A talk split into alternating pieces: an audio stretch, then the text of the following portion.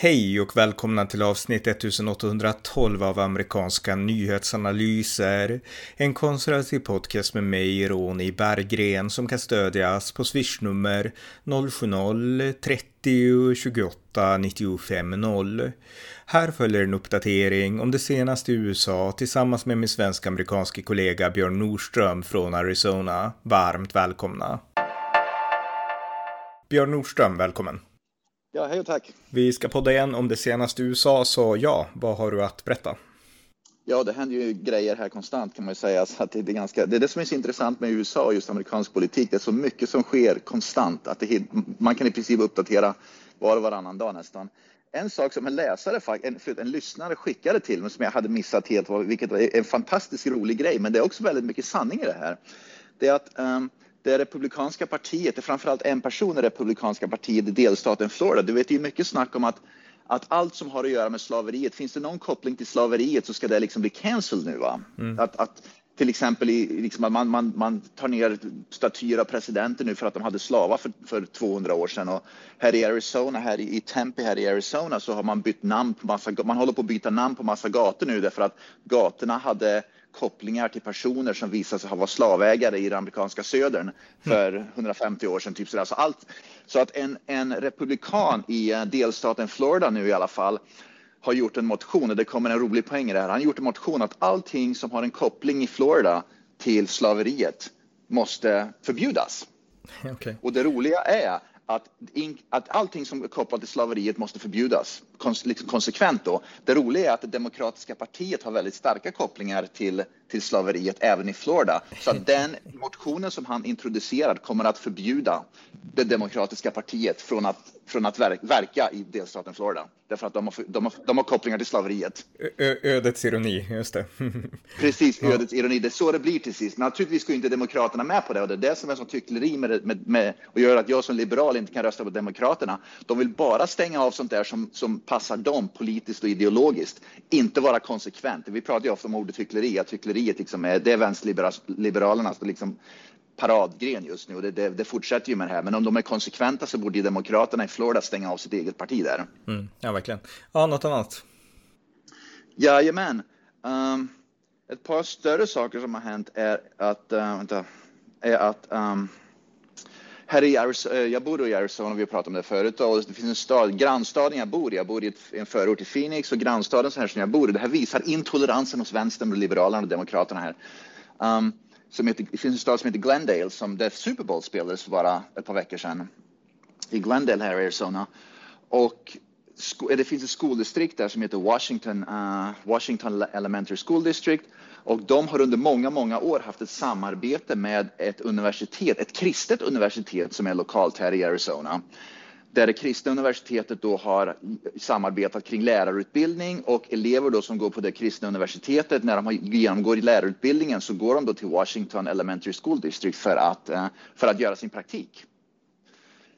Mm. Uh, vilket har gynnat naturligtvis, och det är enormt, säga skall i kontexten av det här, det är ett enormt lärarbrist här i delstaten Arizona så att det har fungerat väldigt bra. Det är liksom ett sätt att liksom få in lärare då från i ett visst skoldistrikt då som har stor lärarbrist.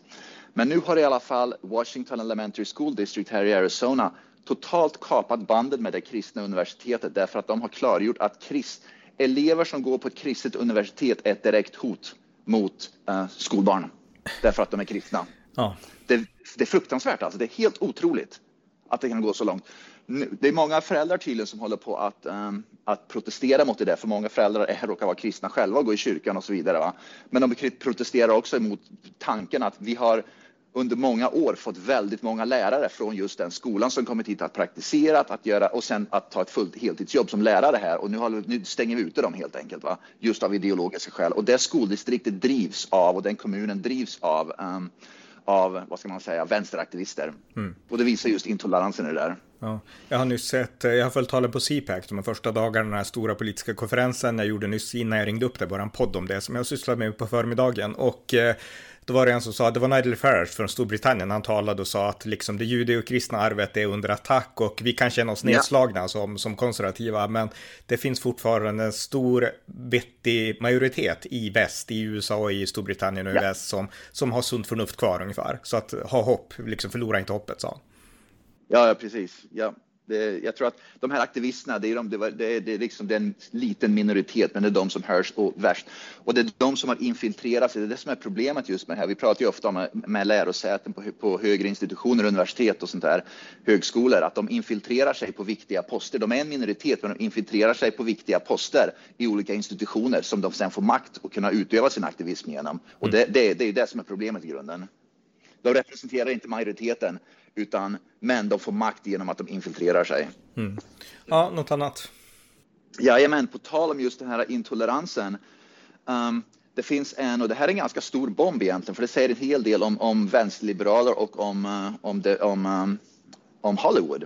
En skådespelare som heter uh, Isaiah Washington. Han är mest, förmodligen mest känd för en roll uh, i Grey's Anatomy. Han är svart. Det är en svart skådespelare som han har just, han la ut ett meddelande var igår eller i morse eller igår på Instagram tror jag det var. I alla fall att han har gett upp skådespeleriet, han kommer att sluta.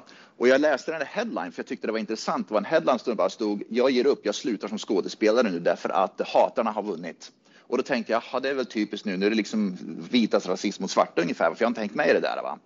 Så då läste jag på det där och han är tydligen, han röstade då 2016 så röstade han på Jill Stein som var Green Party candidate för president och sen övergick han till Republikanska partiet. Så läste jag mycket mer om varför han slutar och han pratar just om specifikt att, att vänstern och vänsterliberaler och demokrater hetsar och hatar och, och splittrar landet så mycket kring hudfärg och rasism och, och ras. Att det har blivit som rashets nu de senaste åren och att han känner sig att han, han enbart duger för att han är svart. Mm. Inte för att han är en bra skådespelare. Så han, jag kan inte, han sa att han tar helt enkelt avstånd från vänstern och allt det här rastjatet och bråk. Han sa rakt, det står, jag läste någonstans att han påpekar att jag vill liksom att vi ska kunna förenas som människor.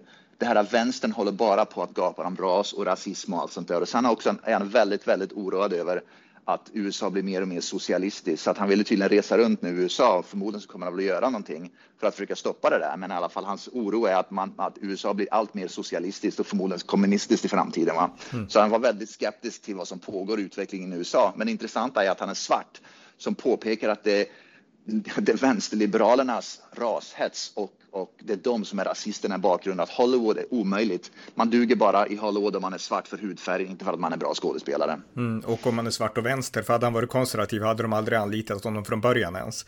Så att, uh... Nej, precis. Han, var ju, han röstade ju på Jill Stein 2016, så då dög han väl för det, därför att han var då miljöpartist då. Men nu mm. när, sen gick han med i Republikanska partiet då och, och är republikan och då liksom kickades han ut. Då dög han inte längre. Mm. Ja, glädjande och modigt karriärsteg av honom. Något mer? Jajamän, vi pratar just det här är mycket, mycket intressant. Vi pratar ju ofta då att västerländska värderingar är ofta då uh, går mot, liksom, eh, motpoler till mycket inom islam och muslimsk kultur, till exempel kring HBQT och sånt där.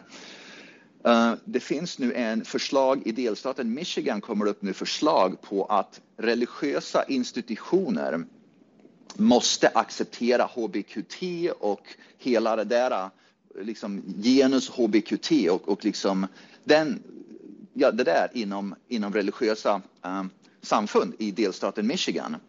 Det här kommer att bli mycket intressant fall därför att normalt så är det ju då så brukar man alltid säga att det är bara kristendomen och det är kristna då som är hbtq-fientliga, men muslimer de är, de är öppna för sånt här. Va? Men en muslimsk grupp nu i delstaten Michigan har rakt ut sagt att inom vår religion islam, vi kan inte acceptera HBQT. Vi tar totalt avstånd till den lagen som Michigan vill stifta och den lagen går stick i stäv med, med uh, for, uh, uh, First Amendment, med konstitutionen i USA som gör att vi som islam, vi behöver inte ta hänsyn till HBQT därför att det, det liksom är en rättighet som vi har. Det är en mycket intressant utveckling för nu ställs ju då i Michigan, vilket du ofta pratar om att i Sverige så vänder man ju ryggen till det där. Men vi vet ju att det är verkligheten. Nu ställs ju då HBQT mot islam i delstaten Michigan och frågan är ju vem kommer att vinna därför att de kan ju inte förenas, vi vet det, för de är motpoler. Vem kommer att vinna det där? Nej, precis. Nej, alltså det här borde bli ett eh, wake-up call liksom, för amerikaner just om islamiseringen. Och sen är det så här att inom islam så är intoleransen mot hbtqi liksom betydligt hårdare än inom kristendomen. Jag menar, kristna kyrkor ja. i USA inte minst, men även unga, de lär ut att eh, eh, liksom sexualitet utanför det heteronormativa äktenskapet, det är synd, det är fel ungefär. Men det är inte fördömande och det är inte föraktfullt och det är inte utan förståelse för sådana individer. Medan islam då handlar om lag, alltså du ska lyda liksom sharia-lagarna. Och det är liksom yttre påbud på ett sätt som det inte är inom kristendomen på samma sätt. Och den skillnaden, alltså det här gör ju vänsterliberal media allt för att tona ner. Då vill man snarare betona att det är liksom de riktigt intoleranta, de kristna. Och sen, sen blundar man inför den här hårda intoleransen som islam ändå innebär. Ja. Mm. Precis, och det är just det som blir så intressant nu att muslimer, islam i delstaten Michigan har officiellt tagit avstånd till den där lagen och sagt att vår religion islam tolererar inte det där. Så vi får se hur det går. Men jag kan gissa nummer ett, det här kommer ju aldrig att rapporteras i svensk media därför man kommer inte ta upp någonting med, med islam, att det har någonting negativt med hbqt att göra. Va? Och även då här i USA så har jag inte sett mycket om det annat än ett par små, äh, i, i, konservativ media om det där. Därför att vänsterliberal media här i USA, som i Sverige, var man försöker skydda då islam från, äh, från att liksom visa upp sitt rätta ansikte om man säger så. Mm, ja, verkligen. Något mer? Jajamän. New York City, staden New York City spenderar 5 miljoner, 5 miljoner dollar per dygn på illegala immigranter just nu. Snacka om, om, om att spendera pengar på illegala immigranter i New York nu som kunde gå till hemlösa i New York istället. Så 5 miljoner dollar i New York bränns på illegala immigranter. En delstat där många människor med resurser håller på att fly ifrån. Så skatteintäkterna minskar kraftigt i New York därför att många människor flyr från New York till delstaten Florida istället. Och så ökar då utgifterna dramatiskt på illegala immigranter. Mm. Ja. ja, fortsätt. Jajamän, Katie Hobbs, hon som är guvernör här i, i Arizona, man visar, hon visar vilken syn hon har på rättsstaten här. Tydligen så har um, delstatens, Arizonas delstat, högsta domstol godkänt eh, avrättningen. Här i Arizona så avrättning av människor fortfarande ett del av straffbalken så att man liksom, ja, man döms till, till ja, förmodligen så är det massmord eller något sådär, va? Ett större mord. I alla fall så är avrättning en del av liksom straff av balk, brottsbalken, straffen mm. i alla fall. Men och alla avrättningsdomslut måste gå via HD. Så delstatens HD måste granska alla personer som har dömts av en lägre domstol för avrättning måste gå via HD för att HD ska granska hela fallet igen och ta upp det. Mm. Nu i alla fall så kom HD fram att en person som har dömts för, för ett extremt, jag tror flera mord, för ett antal, för 30 år sedan var det nu, det tar ju otroligt lång tid att gå igenom liksom, rättsstatens kvarnar. kvarnar. Mm i alla fall så HD i alla fall har dömt att ja, det personen har, ska avrättas. Det, allt skedde helt enligt reglerna. Personen är skyldig, bla bla bla. Men Katie Hobbs har sagt att hon tänker vägra verkställa HDs beslut. Det är någonting, jag förstår att hon, hon är emot avrättning i sig. Så det är ju en sak att man är emot ett straff och då får man ju försöka förändra det via lagen då. Men problemet med det här som jag ser, det är att man vägrar att verkställa ett, ett, ett domslut. Mm. Och det är någonting hela rollen med executive branch, med andra ord med guvernören och presidenten, det är att de ska verkställa lagarna och de ska verkställa då beslut. Då.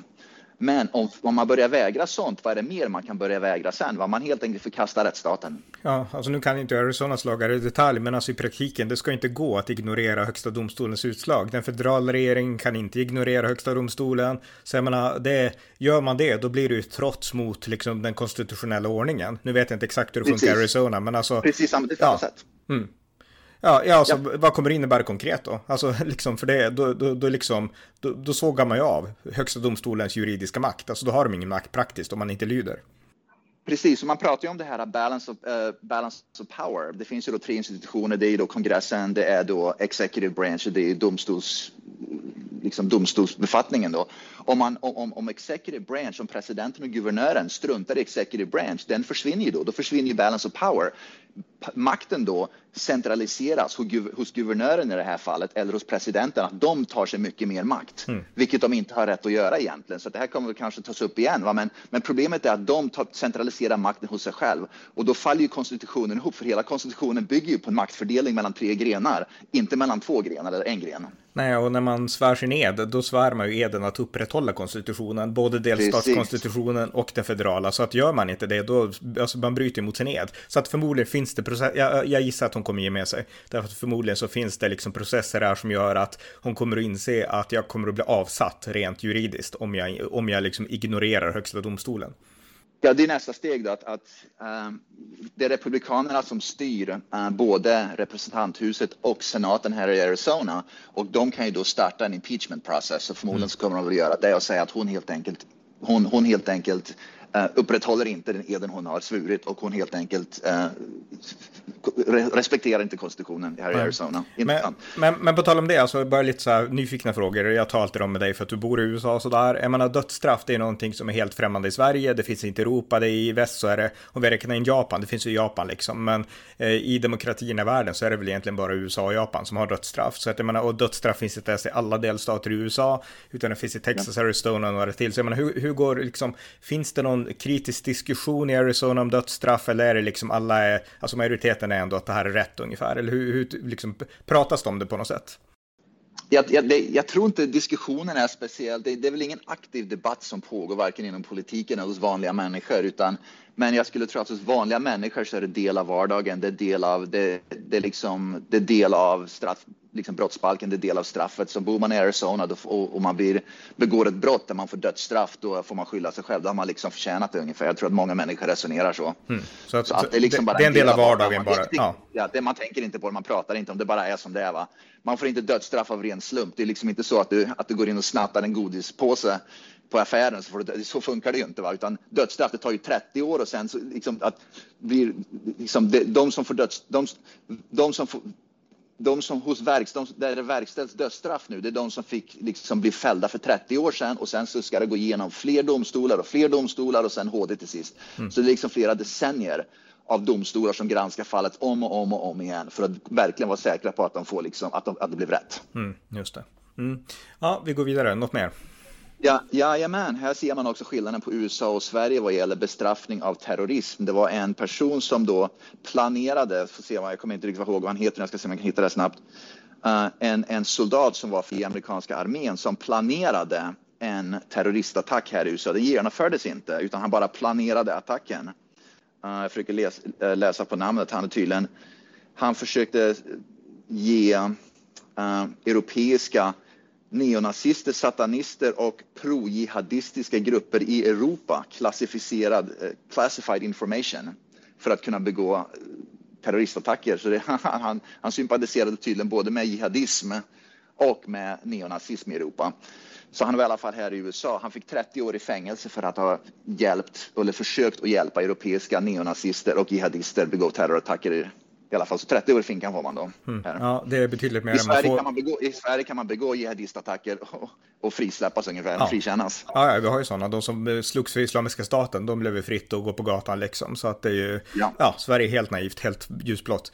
Men, eh, ja, något mer? Jajamän.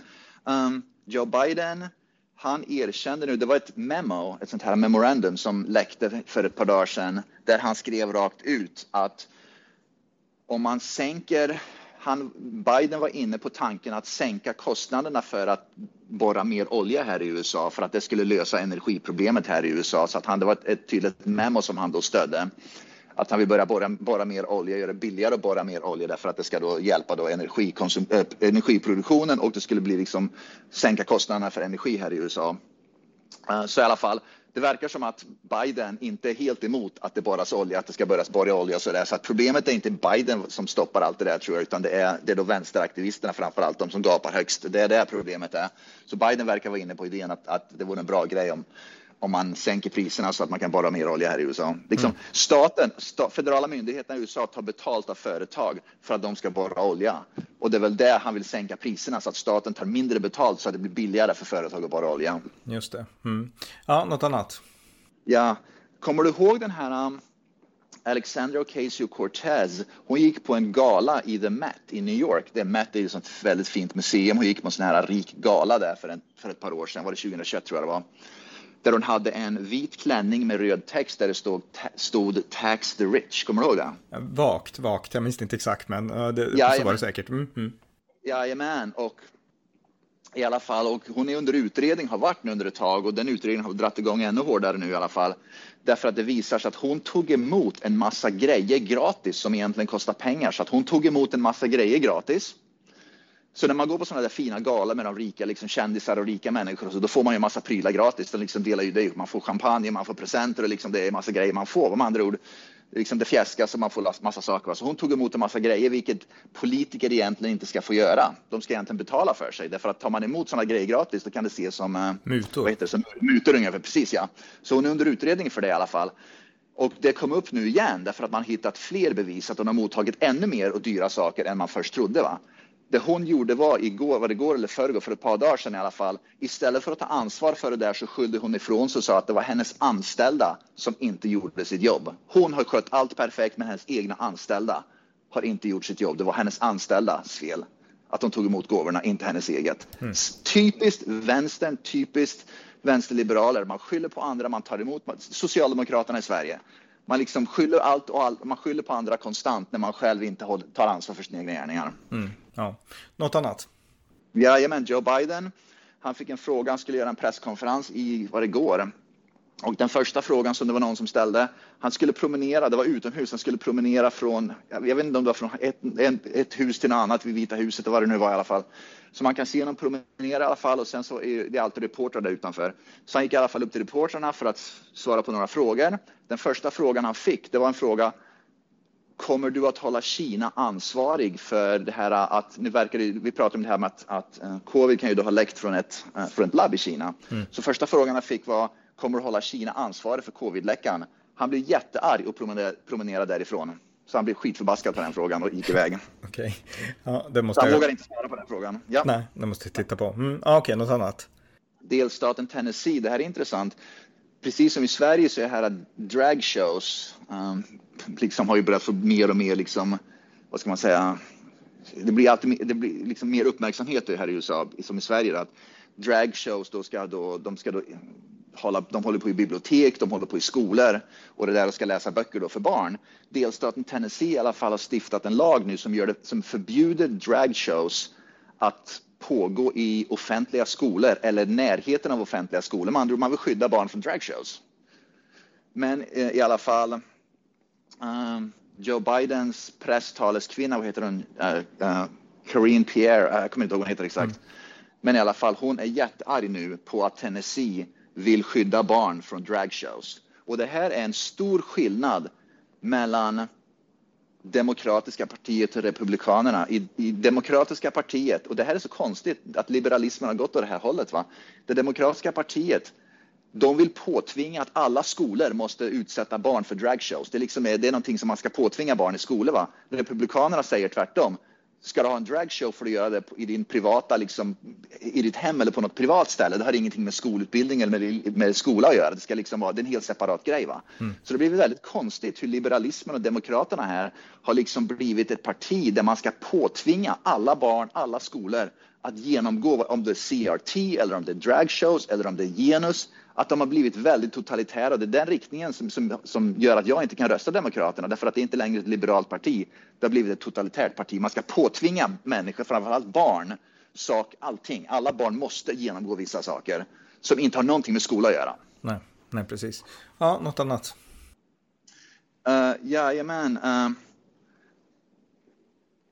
staden Washington DC, det är ju ett um, Washington DC är ju inte en delstat utan Washington DC liksom sköts, administreras då via en borgmästare, en borgmästare. Men också federala myndigheterna har också makten att, att göra vissa förändringar i Washington DC. För det, det liksom, Washington tillhör ju inte en delstat som stad alltså. I alla fall borgmästaren och politiker i Washington DC ville skapa en lag som gör, som gör uh, soft on crime. Med andra ord, man vill skapa en lag som gör um, som, som, mjukare mot brott. Med andra ord, man, man, man vill göra mjukare... Mindre straffansvar. Mindre straffansvar. Mindre straffansvar. Precis, tack så mycket. I alla fall. Så att om du begår brott så ska du inte längre bli straffad. Precis det här defund the police. Man, med andra ord, om du begår vissa brott nu ska man inte längre bli straffad utan man ska liksom bara, det ska ses mellan fingrarna. Va? Mm.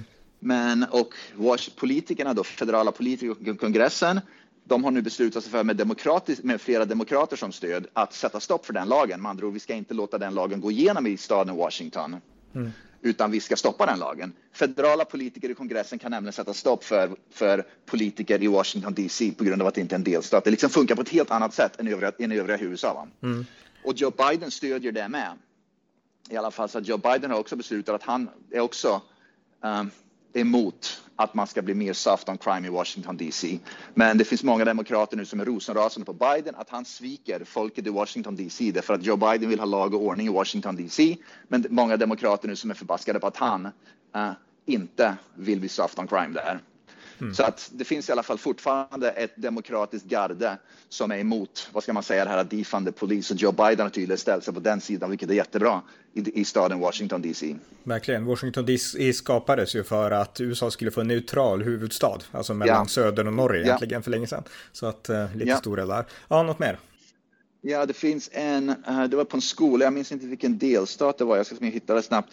Men i alla fall, det här, vi pratar ju ofta om det här att det här Black Lives Matter, att det är liksom aktivister och det har liksom, det har blivit så aggressivt kring det hela, att, liksom, att folk ska påtvingas det här med Black Lives Matter. Ohio, den skolan i Ohio. Så i delstaten Ohio så finns det nu filmer som har kommit fram att svarta elever på en lågstadieskola i Ohio med våld börjar tvinga vita elever att böja sig inför svarta och skrika Black Lives Matter. Tydligen så ska de där svarta eleverna då bli åtalade därför att det, det de gör egentligen brottsligt. Va? Så de ska tydligen åtalas även om de då är, är lågstadiebarn.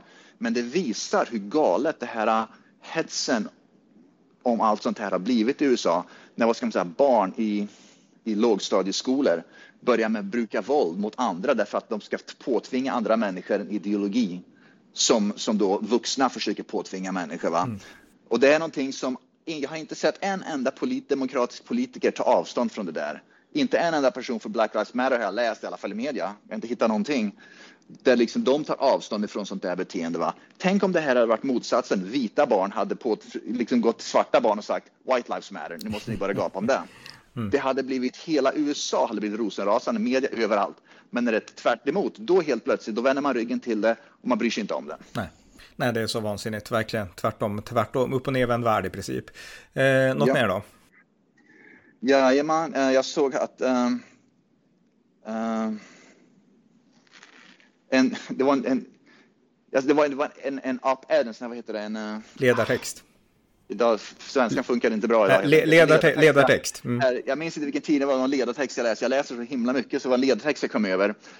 Som i alla fall fokuserade sig på att barn som är 11 år och äldre, att om man inte tillåter dem att byta kön hur de vill utan, utan att föräldrarna ens får reda på det, det är att likställas med folkmord.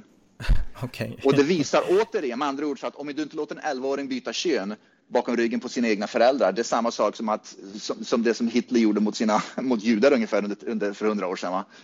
Och det här visar, men det, det otäcka med det här, det visar just att retoriken hos de där aktivisterna som håller på med det här woke är så himla, himla aggressiv och farlig. Mm. Att, att man, det går inte att ha en konversation med sådana där längre. Att om man jämför då en 11-årings könsbyte med folkmord, det visar just det här att det går inte att ha konversation med sådana människor längre. För de är så aggressiva och de har inget perspektiv på verkligheten överhuvudtaget eller på kontexter i, genom historien. Nej, nej, verkligen. Alltså enda sättet att stoppa de här det är ju liksom att det kommer en motvåg med konservativa och att de här blir deplattformerade. Jag menar om man tar Don Lemon, det som vi har pratat om tidigare, ja. hans uttalande om, om, om, eh, vad heter hon, alltså Nikki Haley, om Nikki Haley, att hon ja. var efter sin prime time. Jag menar, han kommer ju förlora ja. pengar, han kommer förlora sitt jobb kanske på grund av det här. Så jag menar, desto mer man trycker på i motsatt riktning, desto mer rädda kommer det här. De, de här gör ju så här bara för att de känner att de kan. Det är det som är grejen. Så att om det liksom blir en motrörelse, då kommer de inte våga hålla på så här längre. Därför att det är ju, ja, jag skulle tro att det är det som är lösningen. Och det som är väldigt intressant här och vilket är väldigt bra, det finns på tal om just det att det, att det, liksom, det, det kommer fram att det blir mindre och mindre tolerant i USA att bete sig på det här viset. Det liksom har gått överstyr. Mm. En, uh, demokrat, en politiker i det demokratiska partiet i delstaten Massachusetts, Massachusetts är en väldigt uh, vänsterliberal delstat. Så en, en, en, politiker, demokratisk politiker, minns inte hennes namn, det är en kvinna i alla fall. Hon i alla fall sa för ett par dagar sedan på tal om aborter. Va? Hon är ju för abort och hon sa för ett par dagar sedan att vi borde igen, att människor som föder barn som har down syndrome eller som är CP-skadade eller har någon form av de sjukdomarna liksom att de föds med borde, borde göras abort på istället för de bara kostar en massa, samhället en massa pengar. Det var hennes då inställning. Och hon trodde hon skulle kunna slinka undan med en sån där kommentar att med andra ord slå ihjäl alla sådana barn för de duger inte, de bara kostar pengar. Va? Men trycket trycket i Massachusetts och hennes hemkommun, jag minns inte vilken kommun det är, för att läsa mig, men i alla fall, trycket på henne blev så stort att hon i alla fall sa upp sig. Hon, hon sa, upp sitt, sa upp sig från sitt politiska ämbete därför att hon insåg att hon hade gjort bort sig totalt. För bara tre, fyra, fem år sedan hade hon aldrig behövt att säga upp sig. Hon hade kunnat komma undan med en sån där kommentar. Mm. Men det går inte längre tror jag. Även demokrater och vänsterliberaler, när de gör bort sig för mycket och blir allt för galna i sin, i sin retorik. Mm. Um, trycket börjar bli för stort nu, att, att man tolererar inte sånt. Så man ser verkligen att det har förändrats under de tre, fyra senaste åren. Ja, det, det är jättepositivt. Jag menar, där har vi verkligen ett exempel på en Hitler-parallell. Om man ska dra någon så är det ju den parallellen i så fall, liksom, till Hitler och nazismen. Ja. Mm. ja. ja uh, ett par saker till jag vill nämna.